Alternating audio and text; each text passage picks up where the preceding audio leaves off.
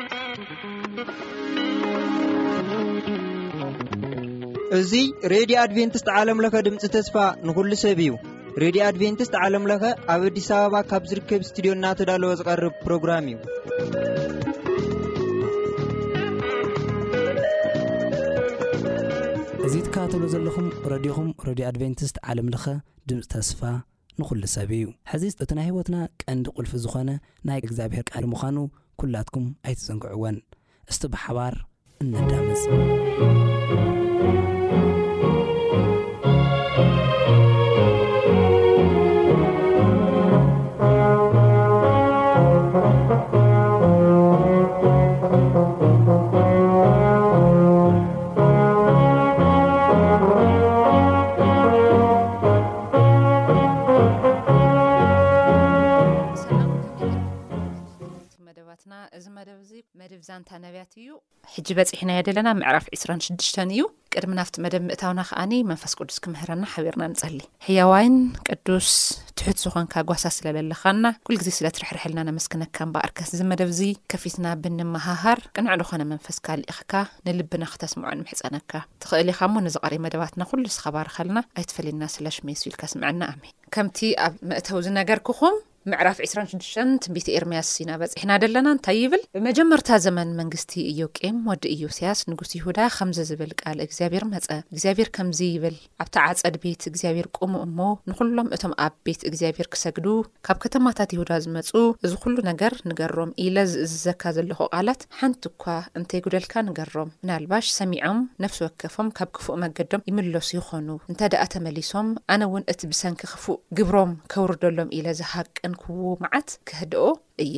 እግዚኣብሄር ከምዚ ይብል ኣሎ ኢልካ ንገሮም፣ በቲ ኣብ ቅድሜኹም ዘንበርክዎ ሕገይ ክትመላለሱ እንተ ዘይሰሚዕኩምኒ፣ ንቓላት እቶም እንተይቋረጽኩ መላሊሰ ናባኻትኩም ዝለኣኽኩልኩም ኣገልገልተይ ነብያትን እንተ ዘይሰማዕኩም፣ ኣነ ነዛ ቤት እዚኣ ከም ሴይሎ ኽገብራ እየ፣ ነዛ ኸተማ እዚኣውን ንዅላቶም ህዝብታት ምድሪ ንመራገሚ ክገብራ እየ። ካህናትን ነብያትን ኵሉ ህዝብን ከዓ ኤርምያስ ኣብ ቤት እግዚኣብሄር ነዚ ቓል እዚ እንትዛረብ ስምዑ። ኤርምያስ እግዚኣብሄር ንዅሉ ህዝቢ ክነግርዎም ኢሉ ዝኣዘዞ ተዛሪቡ ምስ ወደአ፣ እቶም ካህናትን ነብያትን ኵሉ እቲ ህዝብን፣ ሓዝዎ እሞ ኽትመውት ኢኻ። ስለምንታይ ኢኻ?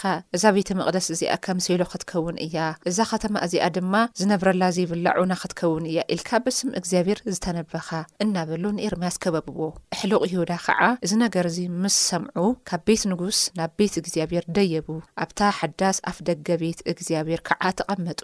እቶም ካህናትን ነብያትን ድማ ነቶም ኣሕሉቕ፣ ንዅሉ እቲ ህዝብን እዚ ሰብኣይ እዙይ፣ ነዛ ኸተማ እዚኣ በእዛንኩም ዝሰማዕክምዎ ተነብዩላ እዩ እሞ፣ ሞት ይግብኦ እዩ ኢሎም ተዛረብዎ። ኤርምያስ ድማ ንዅሎም ኣሕሉቑን ንዅሉ እቲ ህዝብን እቲ ብዛዕባ እዛ ቤት እዚኣ ብዛዕባ እዛ ከተማ እዚኣን ዝሰማዕክምዎ ዅሉ ቓል፣ ከንበዮ ዝለኣኸኒ እግዚኣብሄር እዩ እምበኣር፣ ኣካይዳኹም ግብርኹም ኣዐርዩ፣ ንቓል እግዚኣብሄር ኣምላኽኩም ድማ ስምዑ፣ እግዚኣብሄር ከዓ ነቲ ኣባኻትኩም ከውርዶ ሃቂንዎ ዝነበረ መዓት ክሓድጎ እዩ፣ ኣነ ግና እነሄኹ ኣብ ኣእዳውኩም እየ። ጽቡቕን ቅኑዕን ኮይኑ ዝተራእየኩም ግበሩ። እንተ ቐተልኩምኒ ግና ፍዳ ንጹህ ደም ኣብ ርእስኹም ኣብዛ ከተማ እዚኣን ኣብቶም ኣብኣ ዝነብሩ ከም እተውርዱ ኣረጋጊጽኩም ፍለጡ። ንዅለን እዘን ቃላት እዚኣተን ክነግረኩም ዝለኣኸኒ ባዕሉ እግዚኣብሄር እዩ ኢለ ተዛረብክዎም። ሽዑ እቶም ኣሕሉቕን ኵሉ እቲ ህዝብን ነቶም ካህናትን ነብያትን እዚ ሰብኣይ እዚ ብስም እግዚኣብሄር ኣምላኽ እዩ ዝተዛረበና እሞ ሞት ይግብኦ እዩ በልዎ። ካብቶም ሽማግለታት እታ ሃገር። ከዓ ተሲኦም ንኹሉ እቲ ተኣኪቡ ዝነበረ ህዝቢ ከምዙይ ኢሎም ተዛረብዎ፣ ብዘመን ሕዝቅያስ ንጉሥ ይሁዳ ነቢይ ዝነበረ እቲ ሞሬታዊ ሚክያስ ጐይታ ሠራዊት እግዚኣብሔር ከምዙይ ይብል፣ ጽዮን ከም ግራት ክትሕረስ እያ፣ ኢየሩሳሌም ኵምራ ፍርስራስ ክትኸውን እያ፣ እቲ ኮረብታ ቤተ መቕደስውን ኮረብታ ዱር ክኸውን እዩ፣ ኢሉ ንኹሉ ህዝቢ ይሁዳ ትንቢት ተናገረ። ግና ሕዝቅያስ ንጉሥ ይሁዳ ዅሎም ህዝቢ ይሁዳ እንዶ ቀቲሎምዎ እዮም። ሕዝቅያስ ንእግዚኣብሄር ፈሪሑዶ ኣይኰነን ኣብ ቅድሚ እግዚኣብሄር እተማህለለ? እግዚኣብሄር ከኣ ነቲ ከውርዶ ሃቂንዎ ዝነበረ መዓት ሓደጎ። ንሕና እውን ኣብ ነፍስና ዓብዪ መዓት መውረድና፣ ከምኡ እውን ትንቢት ዝተነበየ ኦርዮ ወዲ ሸማያ በዓል ቄርትያ ዓሪም ነበረ። ንሱ ኸዓ ከም ኵለን ቃል ኤርምያስ ገይሩ ኣብ ከተማ ኣብዛ ምድሪ እዚኣ ትንቢት ተናግረ። ንጉስ ኣዮኣቄም ኵሎም ጀጋኑኡን ኵሎም ኣሕሉቕን ቃላት ኦርዮን ምስ ሰምዑ፣ እቲ ንጉስ ኪቐትሎ ደለየ። ኦርዮ እዚ ምስ ሰምዐ፣ ፈርሐ፣ ሃዲሙ ከኣ ናብ ግብጺ ኸደ። ሽዑ ንጉስ ኢዮቄም ንኦርዮን ኬምጽኦ ምስ ብዙሓት ሰባት ገይሩ፣ ንኤልናታን ወዲ ኣክቦር ናብ ግብጺ ለኣኾ፣ ንሳቶም ድማ ንኦርዮን ካብ ግብጺ ኣምጽእዎ፣ ናብ ንጉስ ኢዮቄም ከኣ ኣቕረብዎ፣ ንሱ ድማ ብሰይፊ ቀተሎ።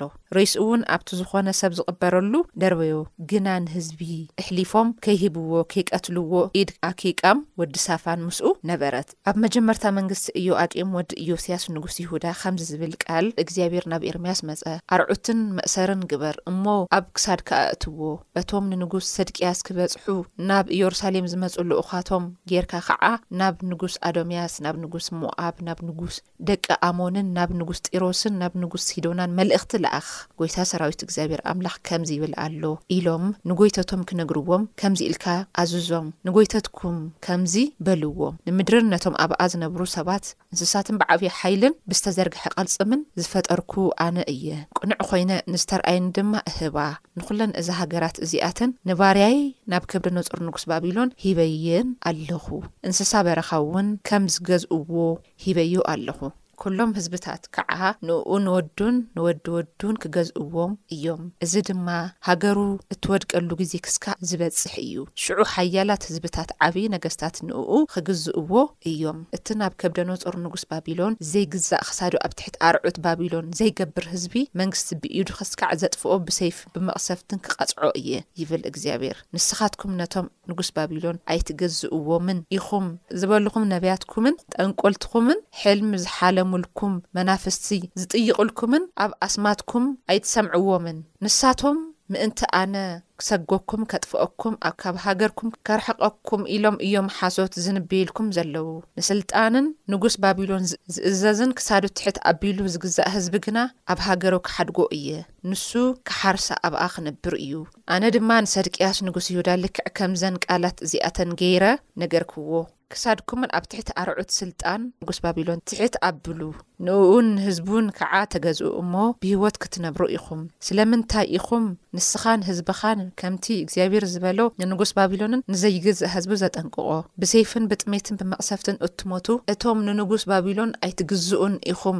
ክሰጎኩምን ንስኻትኩም እቶም ዘነብዩልኩም ነብያት ድማ ከተጥፍኡስ ሓሶት እዮም ዘነብዩልኩም ዘለዉ እሞ ኣይትስምዕዎም ኣነ ምእንቲ ክሰጎ ንስኻትኩምን እቶም ዘነብዩልኩም ነብያት ድማ ክትጠፍኡስ ብስመይ ሓሶት እዮም ዘነብዩልኩም ዘለዉ እምበኣር ኣነ ኣይለኣኽክዎምን ኢለ ነገርክዎም ኣነ ንካህናት ንኹሉ ህዝብን እግዚኣብሄር ከምዚ ይብል ኣሎ እንሆ እቲ ኣቕሑ ቤተ መቕደስ ሐዚ ብቕልጡፍ ካብ ባቢሎን ክምለስ እዩ ኢሎም ዘነብዩልኩም ዘለዉ ነብያትኩም ሓሶት እዮም ዘነብዩልኩም ዘለዉ ስለዚ ኣይትስምዕዎም ብሂወት ምእንቲ ክትነብሩ ንንጉስ ባቢሎን ደኣ ተገዝኡ ስለምንታይከ እዛ ከተማ እዚኣ ትዓኑ ሓቀኛታት ነብያት እንተደኣ ኮይኖም ቃል እግዚኣብሄር ብርግጽ እንተሃልዩዎምሲ እዚ ኣብ ቤት መቅደስ ኣብ ቤተ መንግስቲ ይሁዳ ኣብ ቤት ዮርሳሌም ተሪፉ ዘሎ ኣቕሑ ናብ ባቢሎን ከይውሰዱ ንጉይታ ሰራዊት እግዚኣብሄር ይለምኑ ኢለ ነገርክዎም። ናብ ከብደኖጾር ንጉስ ባቢሎን፣ ንኣኮንያን ወዲ እዮቄም ንጉስ ይሁዳን ንዅሎም ኣሕሉቕ ይሁዳን ዮርሳሌምን ካብ ዮርሳሌም ናብ ባቢሎን ማሪኾም ክወስድዎም እንተሎ፣ ኣዕማድን ብነሃስ ዝተሰርሐ መዕቖሪ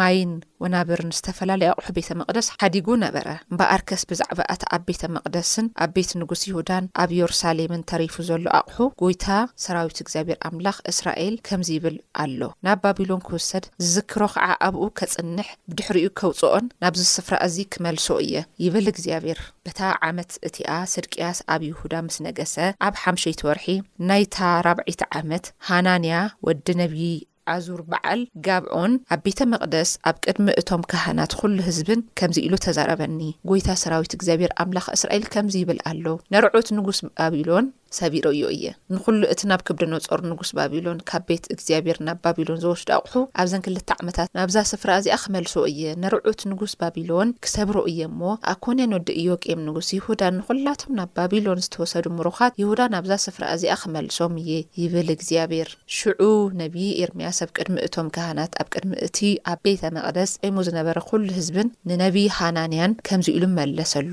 ነብዪ ኤርምያስ ድማ በለ፣ ኣሜን፣ እግዚኣብሄር ከምኡ ይግበሮ። እቲ ኣቕሑ ቤተ መቕደስን ኵላቶም ምሩኻት ካብ ባቢሎን ናብዛ ስፍራ እዚኣ ኪምለሱ ነቲ ዝተነበኻዮ ቃል እግዚኣብሄር ይፈጸም። ግና ነቲ ኣብ ቅድሜኻ ኣብ ቅድሚ ኵሉ እዚ ህዝቢ እዚ ዝዛረቦ ዘለኹ ቃል ስማዕ። እቶም ቅድመይን ቅድሜኻን ካብ ጥንቲ ዝተስኡ ነብያት ኣብ ብዙሓት ሃገራት ኣብ ዓበይቲ መንግስታት ውግእን መዓትን መቕሰፍትን ከም ዝመጽእ ተነበዩ። እቲ ሰላም ዝንበይ ነብዪ እግዚኣብሔር ከም ዝለኣኾ ዝፈልጥ ግና ቃል ትንቢት ምስ ተፈጸመ ጥራሕ እዩ።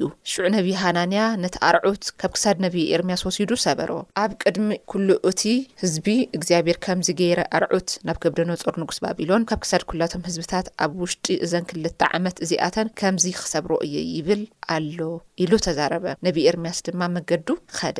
ነብዪ ሃናንያ እቲ ኣርዑት ካብ ክሳድ ነብዪ ኤርምያስ ወሲዱ ምስ ሰበሮ፣ ድሕሪ ቝሩብ እዋን ከምዚ ዝብል ቃል እግዚኣብሄር ናብ ኤርምያስ መጸ፣ ናብ ሃናንያ ኪድ እሞ፣ ንስኻ ኣርዑት ዕንጸይቲ ሰበርካ፣ ክንድኡ ግና ኣርዑት ሓጺን ክሰርሕ እየ፣ ይብል እግዚኣብሄር። ናብ ከብደኖ ጾር ባቢሎን ምእንቲ ኺገዝኡ፣ ኣብ እንስሳ በረኻ እኳ ስልጣን ሂበዮ ኣሎኹ፣ ኣርዑት ሓጺን ኣብ ክሳድ ኵሎም ህዝብታት ኣእትየዮ ኣሎኹ፣ ይብል ጐይታ ሰራዊት እግዚኣብሄር፣ ኣምላኽ እስራኤል ኢልካ ንገሮ፣ በሎ። ሽዑ ነብዪ ኤርምያስ ንነብዪ ሃናንያ፣ ኦ ሃናንያ፣ ስማዕ፣ እግዚኣብሄር ኣይለኣኸካን፣ ንስኻ ግና እዚ ህዝቢ እዚ ኣብ ሓሶት ኪእመን ጌርካ ኢኻ። ስለዚ እግዚኣብሄር ከምዚ ይብል ኣሎ፣ እንሆ፣ ኻብ ገጽ ምድሪ ከርሕቐካ እየ፣ ኣብ ልዕለይ ክሕደት ተዛሪብካ ኢኻ እሞ፣ ኣብዛ ዓመት እዚኣ ኽትመውት ኢኻ። ይብለካ ኣሎ ኢሉ ነገሮ። ነብዪ ሃናንያ ኣብ ሻብዐይቲ ወርሒ ናይታ ዓመት እቲኣ ሞተ። ነብዪ ኤርምያስ ነቶም ብህይወት ዝነበሩ ሽማግለታትን ነቶም ካህናትን ነብያትን ንዅሎም ነቶም ናብ ከብደኖጾር ካብ የሩሳሌም ማሪኹ ናብ ባቢሎን ዝወሰዶም ህዝቢ ዝለኣኸሎም ቃል መልእኽቲ እዚ እዩ። እዚ ዝዀነ፣ ኣኮንያን እንኡ ንግስትን ናይ መንግስቲ ሰብ ስልጣን ኣሕልቑን ይሁዳን የሩሳሌም ሃነጽቲ ሰራሕቲ ሓጺን ካብ የሩሳሌም ተማሪኾም ናብ ባቢሎን ምስ ከዱ እዩ። ነታ መልእኽቲ ብኢድ እቶም ሰድቅያስ ንጉስ ይሁዳ ናብ ባቢሎን ናብ ናብከብደኖጾር ንጉስ ባቢሎን ዝለኣኾ ኤልዓሣ ወዲ ሴፋን ገማርያ ወዲ ኪልቅያስ ለኣኻ። እታ መልእኽቲ ከምዚ ትብል ነበረት፣ ጐይታ ሠራዊት እግዚኣብሔር ኣምላኽ እስራኤል ንዅሎም ካብ ኢየሩሳሌም ዝማረኾም ምሩኻት ከምዚ ይብል፣ ቤት ሠሪሕኩም ተቐመጡ፣ ኣታኽልቲ ተኺልኩም ፍርኡ ብልዑ፣ ኣንስቲ ኣእቲኹም ኣወዳት ኣጓላት ውለዱ፣ ነወዳትኩም ነጓላትኩም ክዓ ኣመዓራርይዎም፣ ንሳቶም ኣወዳት ኣጓላት ይውለዱ፣ ቁጽርኹም ኣብቲ ዘሎኹምዎ ምድሪ ይብዛሕ እምበር ኣይውሓድ፣ ንኣኣ ሰናይ እንተ ኾነላ ንኣኻትኩምውን ሰናይ ክኾነልኩም እዩሞ፣ ተማሪኽኩም ንዝኸድኩምዋ ኸተማ ሰላምን ሃብትን ተመነዩላ።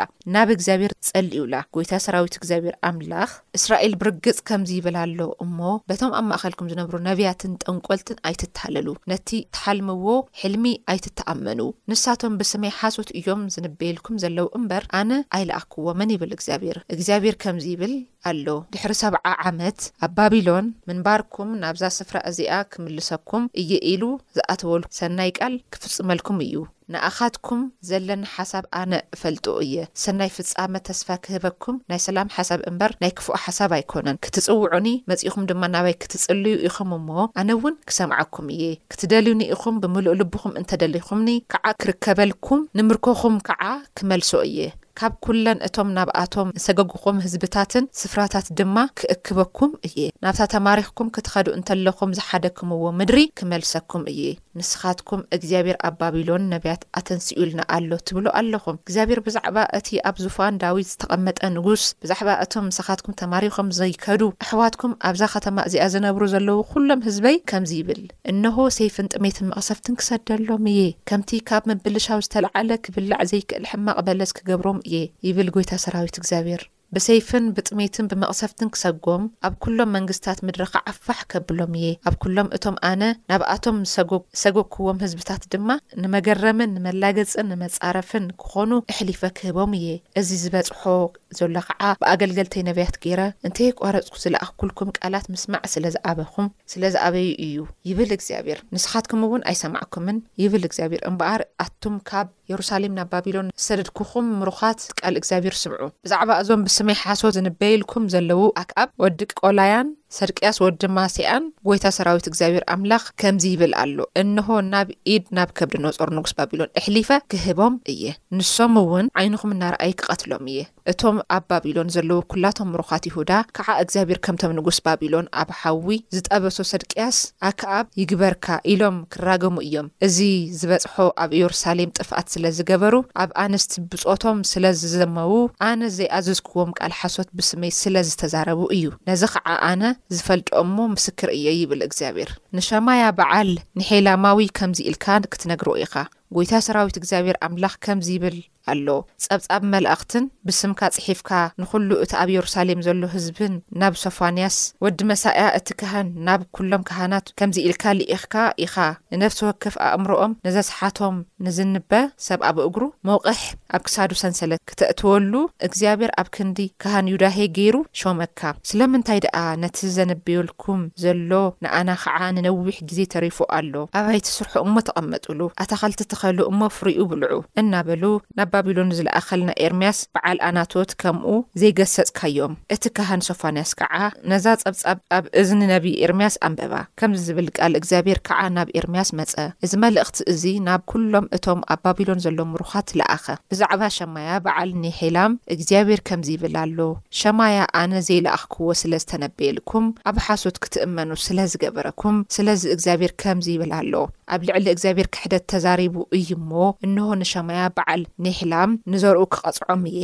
ኣብ ማእከል እዚ ህዝቢ እዚ ዝተርፍ ውሉድ ሓደ እኳ ኣይህልውን እዩ እቲ ኣነ ንህዝበይ ዝገብረሉ ሰናይ ድማ ኣይርእን እዩ ይብል እግዚኣብሄር። እዚ ሓሳብ እዚ ግን እንታይ እዩ ዝገልጸልና ኣንሕና ተመሊስና ትማሊ እግዚኣብሄር የዘኻኽረና እዩ ደሎ።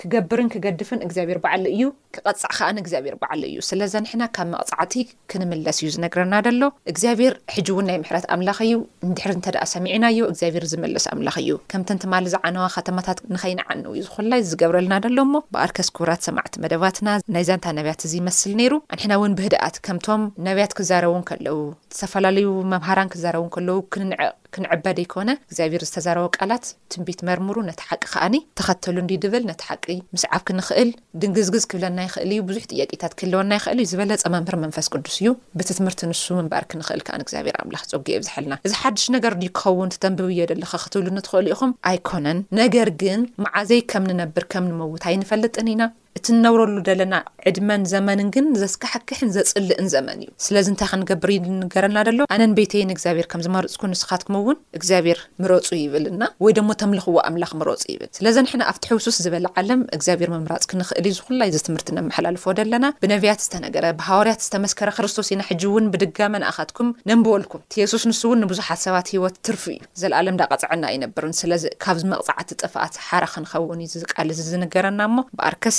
ብዝ ቃል እዝ ምምልላስ ክትኽእሉ ክንኽእል እግዚኣብሔር ኣምላኽ ጸጉኡ የብዝሐልና ሓሳብን ጥያቄን ብዝህልወኩም ባዶ ትሽዓተ ሰማንያን ትሽዓተን ሰብዓን ሸውዓተን ኣርብዓን ሓሙሽተን ቴስዐ ፖስታ ሳጹን ቁጽሪ ሚእትን ኣርብዓን ሓሙሽተን ኢልኩም ደማ ሓሳብኩምን ጥያቄኹምን ከተቅርቡልና ትኽእሉ ኢኹም ሰናይ